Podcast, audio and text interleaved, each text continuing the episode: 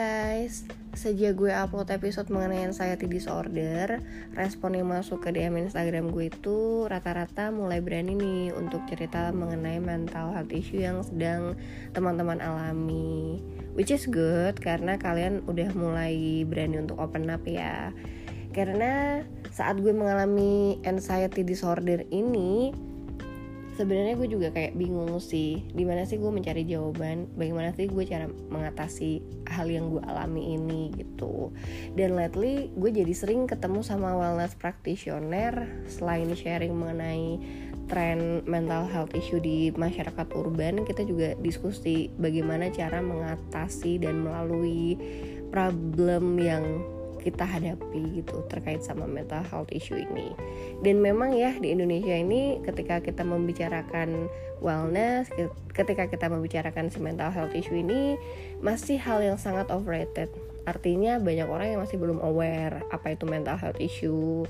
Banyak orang yang pada akhirnya ngerasa bahwa I have a problem with my mental health gitu tapi masih belum berani open up karena mereka takut dijudge atau takut dianggap gila gitu kan kadang walaupun mereka juga udah sadar bahwa mereka mengalami mental health issue, mereka tuh belum berani untuk bertemu atau mencari professional help gitu. Padahal psikolog dan psikiater di Indonesia tuh cukup banyak, cuman memang masih belum populer maupun familiar ya dengan profesi seperti itu gitu. Jadi pada akhirnya orang-orang ini dengan masalah yang mereka miliki baru bisa curhatnya ke orang-orang terdekat. Atau misalnya mereka juga kayak gue dulu lebih banyak mencari melalui internet gitu kan. So here I am. Gue lebih ingin meningkatkan awareness kita semuanya mengenai mental health issue dan juga wellness. Sehingga di bulan September nanti gue pengen bikin event wellness class. And I hope you guys yang tinggal di Jakarta bisa join karena memang acaranya akan seru banget kalau buat gue ya but before I tell you further about uh, my upcoming event, gue pengen sharing mengenai salah satu toxic dalam hidup kita yang bisa bikin kita mengalami mental health issue kalau hal ini terus-terusan dibiarkan. So welcome back to my podcast Curhat 20-an with Mega Agnesti dalam episode mengatasi insecurity. Hmm, gue yakin sih bahwa kalian tuh udah cukup familiar lah ya dengan istilah insecure gitu kan karena siapa sih yang nggak pernah mengalami insecure gitu kan insecure ini tuh sebenarnya apa sih jadi Kenapa gue bilang semua orang bisa mengalami insecurity?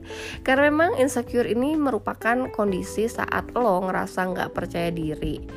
Ketika lo nggak percaya diri, maka lo akan merasa malu atau rendah diri yang dikarenakan oleh banyak hal gitu.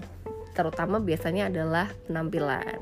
Karena memang ya nggak bisa dipungkiri penampilan itu kan one of the most important thing yang orang lihat dari diri lo gitu. Jadi banyaklah orang yang merasa nggak pede ataupun rendah diri karena penampilannya tidak seperti orang lain pada umumnya Kenapa gue bilang nggak cantik atau nggak ganteng? No, karena cantik dan ganteng itu sangat subjektif ya. Dan standarnya itu yang sering kita dengar adalah standar media gitu. Padahal everyone is beautiful, everyone is unique. Tapi karena kita selama ini terstigma bahwa cantik itu standarnya kayak gini loh, maka pada akhirnya kita nggak bisa menerima ukuran cantik yang berbeda dari yang suka kita lihat di media gitu. Tapi hal-hal yang terkait penampilan ini sering banget menjadi sumber insecurity dari banyak orang. Misalnya nih gini, kita kan gampang banget ya guys ngomong kayak ih gila ya lo tuh gendutan ya sekarang. Ih gila ya lo iteman ya. Ih gila ya muka lo hancur banget jerawatan gitu. Si the kind of body shaming pada akhirnya melit orang untuk berpikir iya ya emang gue jelek ya atau iya ya emang gue gendut ya?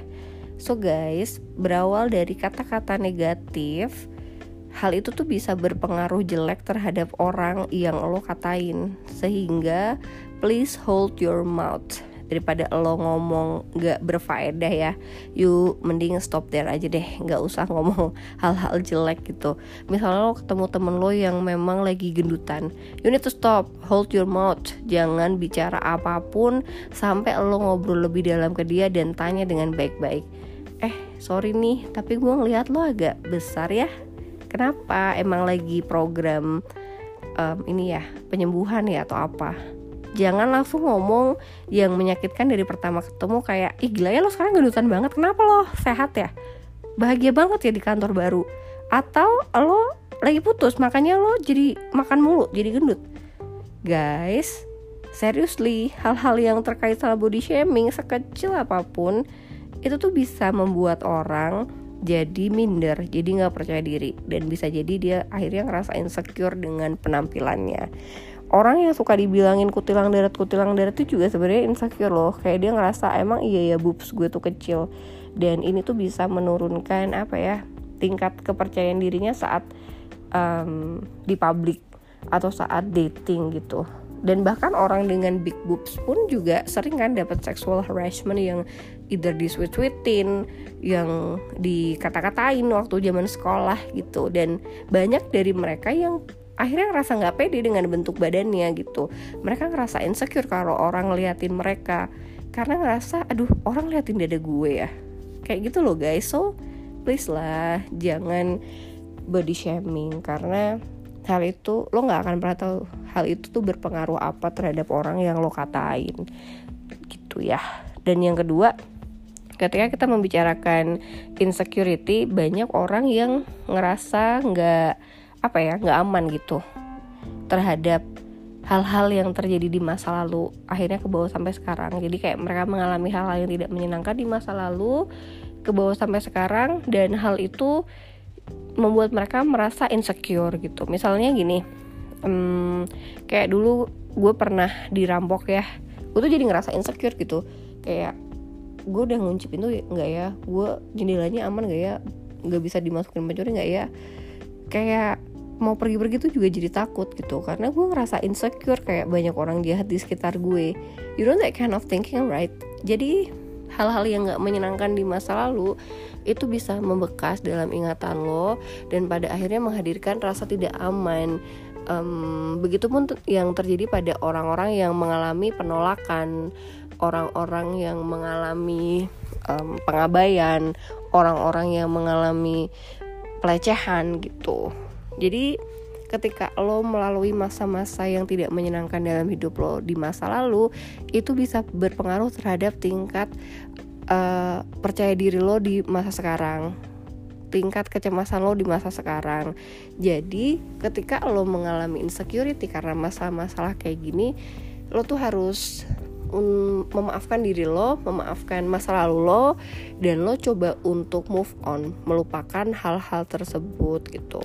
Ketika masa lalu lo nggak mengenakan, ya gimana dong masa lalu tuh nggak bisa diperbaiki gitu. Hadapilah ketakutan tersebut, berusahalah untuk melihat lebih jauh dan maafin diri lo atas masa itu sehingga pada akhirnya lo bisa let them go let the guilty feeling go all the negative feeling go dan pada akhirnya lo akan bisa melangkah setelah lo berusaha untuk memaafkan. Memaafkan ya nggak cuma melupakan karena orang bisa lupa tapi nggak maafin kejadian itu gitu. Sehingga pada akhirnya ini yang membebani dia di masa mendatang. Hal-hal itu bisa berpengaruh terhadap keadaan mental lo sehingga udahlah kalau itu sampah kalau itu membebani lo just let it go kurangi baggage dalam diri lo sehingga lo bisa melangkah lebih ringan ke masa mendatang gitu guys. Nah, lalu kadang orang-orang yang di masa lalunya merasa gagal gitu ya. Dia akan merasa insecure, misalnya kegagalan karena suatu hubungan gitu. Baik dari hubungan yang dia alami sendiri maupun dialami orang lain yang terdekat sama dia. Misalkan lo melihat orang tua lo bercerai dan keadaannya tidak baik-baik. Dari situ lo udah ngerasa insecure ketika lo deket sama cowok baru. Lo akan takut bahwa nanti lo akan disakiti sama cowok itu sebagaimana hubungan yang pernah terjadi pada orang tua lo. Atau misalnya um, lo pernah melihat atau memergoki orang tua lo selingkuh gitu maka lo juga akan merasa bahwa nanti kalau gue menjalin hubungan pasti gue diselingkuhin. Atau ketika orang tua lo mengabaikan lo gitu maka lo bisa merasa bahwa diabaikan oleh pasangan tuh hal yang wajar So the kind of feeling bisa membuat lo insecure kan guys? Maka ketika lo mengalami masa-masa yang tidak enak, tidak nyaman seperti itu Atau mengalami penolakan gitu ya Yang bisa gue sarankan adalah hmm, Beri waktu kepada diri lo sendiri untuk menyembuhkan dari rasa-rasa menyakitkan itu gitu. Dan lo harus coba beradaptasi lagi lo kalau udah berpikir yang negatif di awal gimana ceritanya lo bisa melalui suatu hal yang bahkan belum lo jalani gitu? Misalkan gini lo melihat orang tua lo bercerai lo melihat orang tua lo selingkuh gitu ya. Ketika lo tumbuh dewasa terus lo deket sama orang lo udah takut duluan gitu lo untuk mengata untuk me, untuk mengawali suatu hubungan. Karena lo takut diselingkuhi karena lo takut disakiti. Lah sampai kapan men mau kayak gitu? Udahlah lupakan apa yang terjadi di masa lalu stay di masa lalu. Masa ini hidup lo yang sekarang adalah sebuah lembaran baru yang lo harus jajaki. Kalau lo di awal aja udah ngerasa takut lo udah banyak hal yang lo cemaskan lo ngerasa insecure lo akan stuck di situ men. Lo nggak akan maju ke mana-mana men. Jadi lo harus menyembuhkan diri lo dari rasa sakit dan lo melangkah maju. Jangan lo stuck di tempat do nothing tapi lo takut gitu. What for? Hidup itu penuh penuh apa ya? Penuh plan gitu bener. Segalanya tuh harus di plan segalanya harus diantisipasi. Tapi feeling itu menurut gue you need to take the risk gitu gini ya gue nggak tahu ya. Mungkin gue kalau ngomongin soal selingkuh dan selingkuhan tuh sekeliling gue tuh banyak banget lah. Makanya kemarin ketika gue membicarakan episode selingkuh diselingkuhi dan selingkuhan tuh gue nggak nyaman karena gue takut gibah pada akhirnya. Dan yang gue gibahin adalah orang-orang di sekitar gue gitu kan. Tapi guys kalau misalnya gue fokus pada selingkuh gue nggak akan berani menjalin hubungan dan pada akhirnya gue merasa gue takut sakiti enggak. Gue tetap percaya sama cinta gue percaya sama fairy tale gue percaya sama happy ending dan it could happen. As long as I believe it as long I live it as I, and as long as I try to make it happen misalnya gini lo merasa bahwa uh, takut untuk diselingkuhi gitu. Lah kalau otak lo aja dipenuhi dengan rasa yang ketakutan ketakutan rasa kecemasan kecemasan pada akhirnya lo malah akan menjadi posesif. Dan karena keposesif keposesifan lo itu yang ada pasangan lo akan ngerasa nggak nyaman dan apa yang lo selalu tuduhkan ke dia malah dia jadiin kenyataan gitu. Pada akhirnya dia akan selingkuh. Sih janganlah jadi orang yang attract hal-hal negatif dalam diri kita gitu. Misalnya lo berpikir bahwa pasangan lo um, selingkuh nih. Ya karena lo berpikir demikian somehow universe akan mempertemukan lo dengan orang yang satu frekuensi yang mungkin orangnya tipe yang suka selingkuh gitu. Ketika lo banyak menyemaskan hal-hal yang di luar kuasa lo gitu yang ada malah hal-hal ini makin mendekati lo. So you better mikirin yang positif-positif bahwa I'm a better person dan misalnya my parents gitu ya. And I can live my life better than them.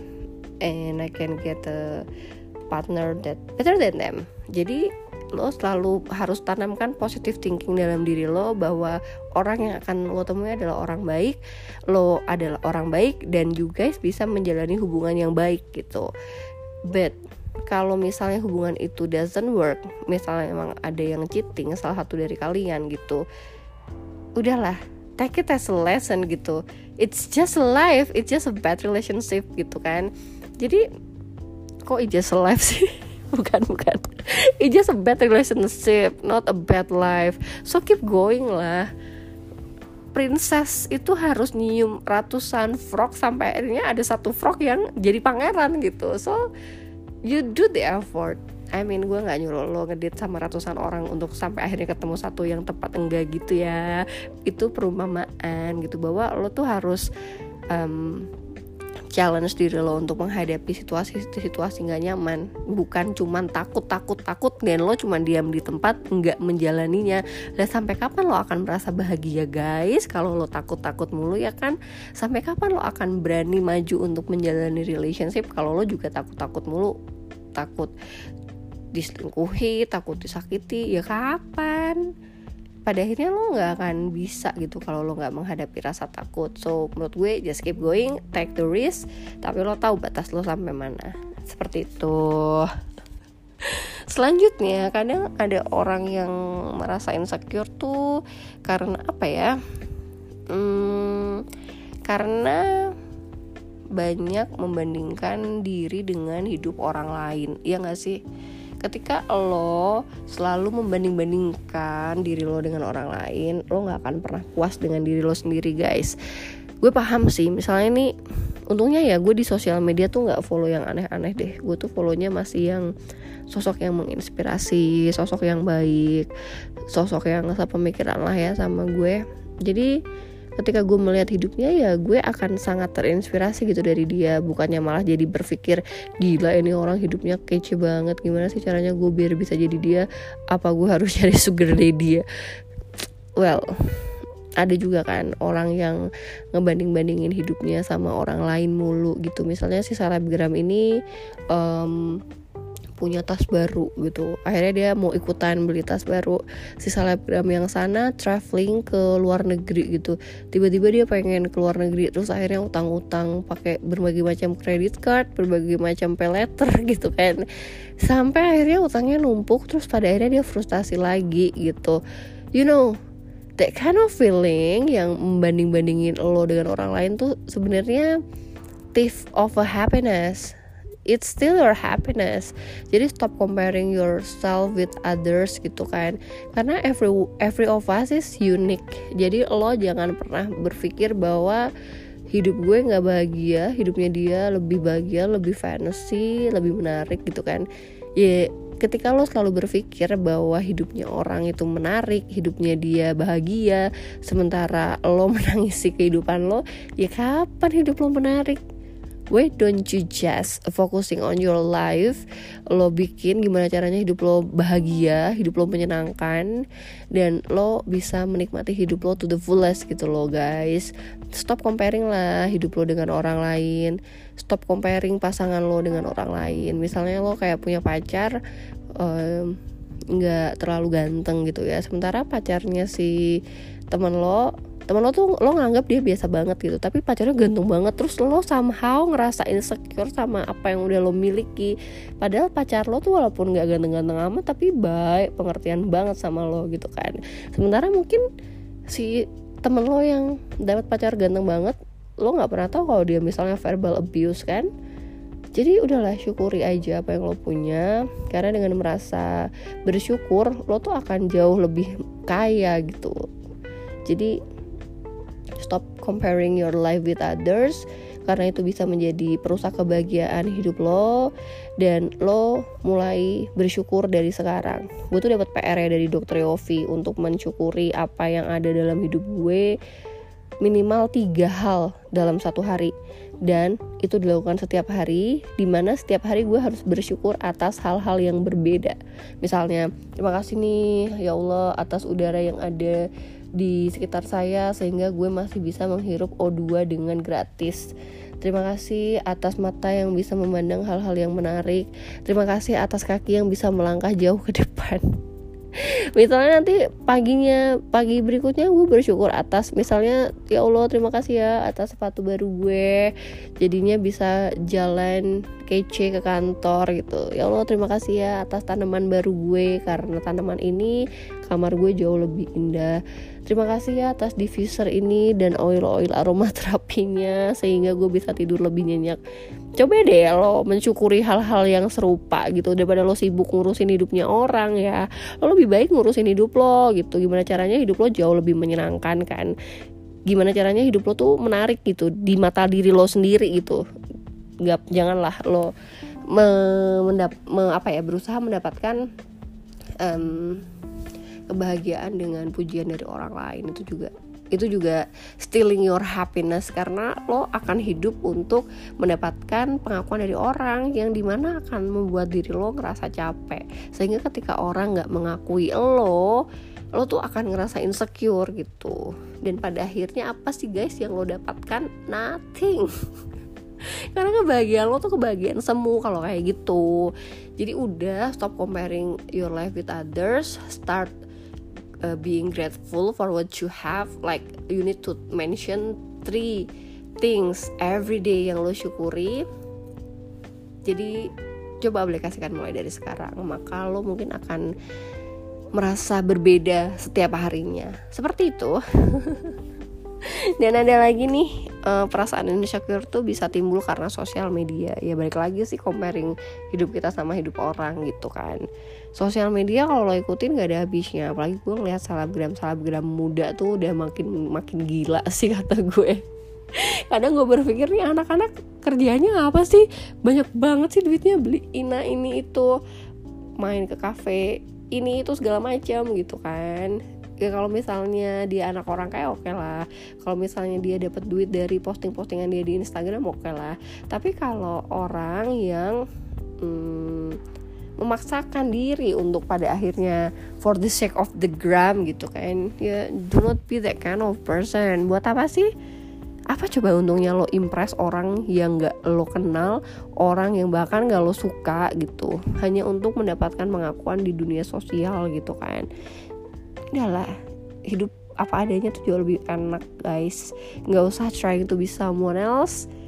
Just be who you are. Dan jadikanlah sosial media itu sebagai sumber inspirasi bukan sumber untuk apa ya pamer gitu. Karena ingat ya di atasnya langit masih ada langit. Di atasnya langit masih ada Hotman Paris gitu. Jadi nggak usah lah ngikutin gaya selebgram yang ina ini itu segala macam cukup menjadi diri lo sendiri aja. Nggak usah apa ya nggak usah insecure dengan apa yang selebgram miliki dan gak, nggak lo miliki gitu. Karena sesungguhnya bisa jadi apa yang mereka tampilkan di Instagram tuh bukan kehidupan aslinya guys. Emang itu buat cari duit aja. Ya kalau mereka di situ dapat duit mah enak ya. Lah lo udah lo ngeluarin duit beli barang-barang yang kayak mereka ke tempat-tempat yang mereka datangi liburan-liburan jauh ke luar negeri seperti mereka gitu mereka dibayar lah. Lo apa? Kalau lo nggak dibayar ya nggak usah lah. Kalau cuma untuk impress orang di sosial media nggak usah lah. The only thing yang membuat lo traveling beli barang branded atau misalnya makan enak di sebuah cafe atau restoran itu untuk membahagiakan diri lo sendiri gitu loh. Nggak buat nyari pengakuan dari dunia sosial lo yang maya itu gitu. So jangan membuat sosial media jadi ladang untuk merasa insecure. Tapi jadikanlah sosial media sebagai ladang inspirasi. Alright? Alright? Hmm. Apalagi ya yang oh ya kemarin tuh kan gue sempat running Instagram polling ya. Apa sih yang membuat kalian tuh insecure gitu? Salah satunya adalah tentang keuangan gimana ya kalau gue ngomongin keuangan gue juga punya insecurity gitu. Dulu waktu gue usia 20-an awal-awal tinggal di Jakarta ya gue tuh ada saudara jauh yang uh, kondisinya tuh agak memprihatinkan. Dia dipecat dari kantornya pas kepala tiga dan dia itu um, pulang ke rumah dalam keadaan single karena I don't know apakah dia putus sama pacarnya atau gimana gitu guys. Pokoknya di usianya yang 30 dia nggak punya pacar dia nggak punya kerjaan. Pulanglah dia ke rumah ya kan mencari um, selamat bukan mencari selamat ya apa sih ya gue gue tahu sih dia pulang ke rumah itu sebenarnya untuk mencari ketenangan gitu. Tapi yang ada dengan statusnya dia seperti itu yang ada orang di rumahnya malah khawatir dong nih. Anak udah merantau jauh-jauh ke Jakarta pulang-pulang yang ada uh, got no job got no boyfriend. Sehingga akhirnya um, itu berefek ke kehidupan gue guys gimana nggak berefek emaknya dia berteman banget sama mak gue kan akhirnya kayak gue dipesenin mak gue banget banget lo umur 30 jangan sampai kayak gitu ya um, got no got no boyfriend, got no job, got no money, apa yang akan lo kasih ke kita gitu? Apa yang akan lo kasih ke diri lo sendiri misalkan kan? jadi at the time gue tuh jadi bener-bener kepikiran banget sih soal insecurity ini. Gue nggak mau di usia gue yang 30 I got no boyfriend I got no job I got no money dan menjadi beban untuk keluarga gue lagi gitu. Sehingga gue hidup dalam ketakutan itu hidup dalam rasa tidak nyaman itu gitu loh guys tapi akhirnya gue berhenti pada satu titik. Kenapa gue bisa berpikir sejauh itu ya? Kenapa gue harus cemas? Ini kan gue masih punya kerjaan. Ya walaupun misalnya kalau boyfriend gue juga nggak bisa dipegang-pegang amat at time gitu kan. Tapi setidaknya gue punya hidup yang sangat berbeda dengan dia dan cara gue menjalani hidup juga berbeda sama dia. Jadi ngapain gue harus takut hidup gue akan seperti hidup orang lain ketika gue menjalani kehidupan ini dengan cara yang berbeda dari dia? Gitu guys. Jadi menurut gue udahlah. Kalau misalnya lo ngerasa insecure soal pekerjaan insecure soal duit then why don't you work harder untuk achieving your dream job, untuk achieving a lot of um, achievement in your career gitu dan pada akhirnya lead lo to higher position. Dan itulah yang gue lakukan selama gue umur 20-an. I work my ass off untuk mencari kestabilan dari sisi karir dan finansial gitu. Ketika gue takut gue nggak memiliki independensi dalam keuangan, ya pada akhirnya gue harus gimana sih caranya gue bisa biar bisa mencapai financial goals gue yang yang yang tinggi gitu misalkan ya. Yang gue harus punya dana A B C sebanyak A B C gitu kan.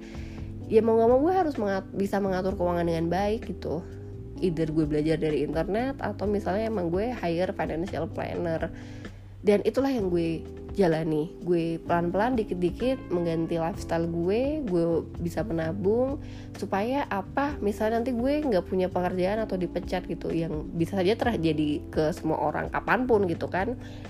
Ya paling nggak gue masih punya simpanan paling nggak gue punya ilmu yang ada di otak gue sehingga gue masih bisa mencari pekerjaan baru yang lebih baik dan lebih stabil dibanding pekerjaan gue yang sebelumnya. Misalnya seperti itu guys. Jadi jangan jadikan kehidupan orang lain yang ditanamkan di pikiran lo akhirnya menjadi momok buat lo akhirnya membuat lo insecure padahal hidup lo dan hidup dia cara lo hidup dan cara hidup dia itu totally different jangan sampai toxic toxic things seperti itu menghantui pikiran lo oke okay? Dan ketika membicarakan karir, yes, I was once insecure about my career.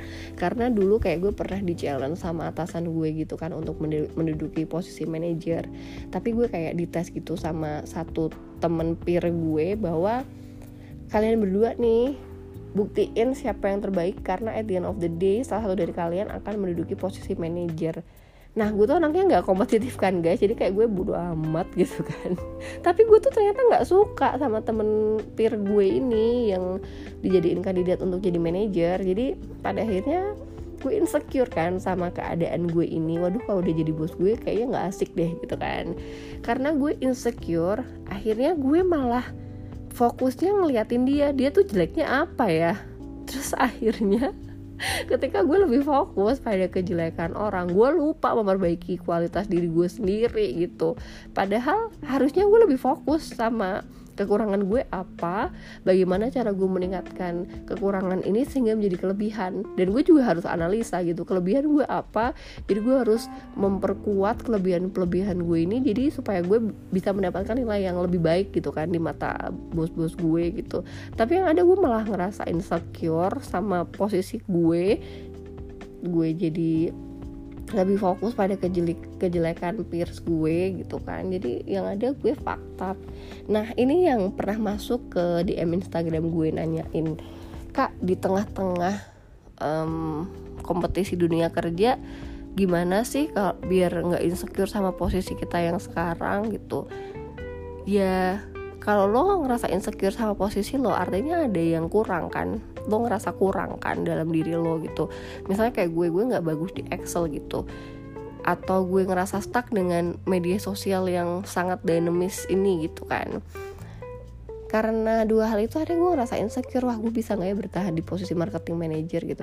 Gue bisa bersaing nggak ya sama expat-expat yang juga mengincar posisi-posisi ini gitu karena gue merasa insecure instead of gue fokus pada lawan gue mencari kelemahan-kelemahannya berusaha menjatuhkan dia di mata bos gue berusaha menjatuhkan dia di mata um, orang-orang kantor gue. Ya kan itu buang energi banget ya. Then why gue nggak menghabiskan energi gue untuk belajar lebih banyak tentang dunia marketing belajar lebih banyak tentang sosial media tentang digital marketing tentang tren-tren yang ada di marketing saat ini.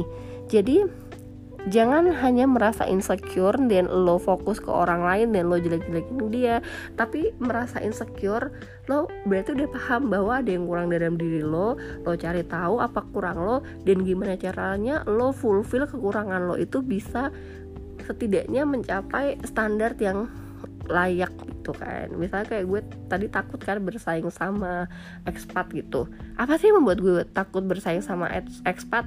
Misalkan gue gak bisa bahasa Inggris. Dan daripada gue sibuk mencari atau gosipin tuh expat ya mendingan gue belajar bahasa Inggris aja supaya skill gue sama kayak dia. Sehingga suatu saat misalnya gue dipromot ke luar negeri eh si Mega kan gak bisa bahasa Inggris gitu misalkan ya. Dah gue kan udah punya uh, gue kan udah kursus bahasa Inggris selama ini. Dan gue uh, bisa membuktikan gue bisa berbahasa Inggris dengan baik baik listening, reading maupun writing gitu kan. Jadi kesempatan gue untuk berkembang jauh lebih banyak daripada gue cuman gosipin dia um, mainin office politik hanya untuk mencapai posisi supaya posisi gue nggak tergantikan sama dia buat apa gitu kan. Isilah hidup lo dengan hal-hal yang jauh lebih positif gitu guys.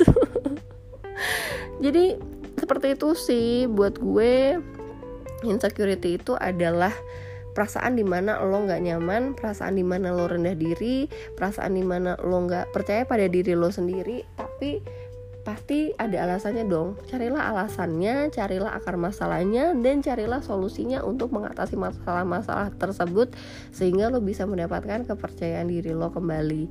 Jangan pernah comparing hidup lo sama hidup orang lain karena setiap orang itu unik, jalan hidupnya beda-beda dan achievement lo itu juga beda-beda. Tergantung dari usaha lo untuk mencapai sana, oke? Okay? Dan yang terakhir, selalu berpikir positif terhadap diri lo sendiri, terhadap lingkungan dan terhadap Tuhan dan jadilah orang yang mudah bersyukur. Karena ketika lo mudah bersyukur, lo akan jauh merasa kaya dan pelan-pelan insecurity lo pun berkurang.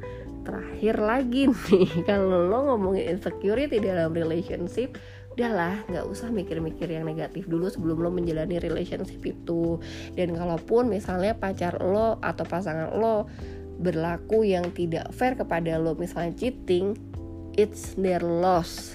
Lo just leave it. Let it go let it go let it go. Move on. I believe someday you find someone better than them. Okay? so guys kalau berbicara mengenai wellness class gue, tunggu postingan gue di Instagram bulan September nanti. Event ini khusus cewek karena judulnya adalah Women Wellness at Work tanggal 29 September di kota Casablanca.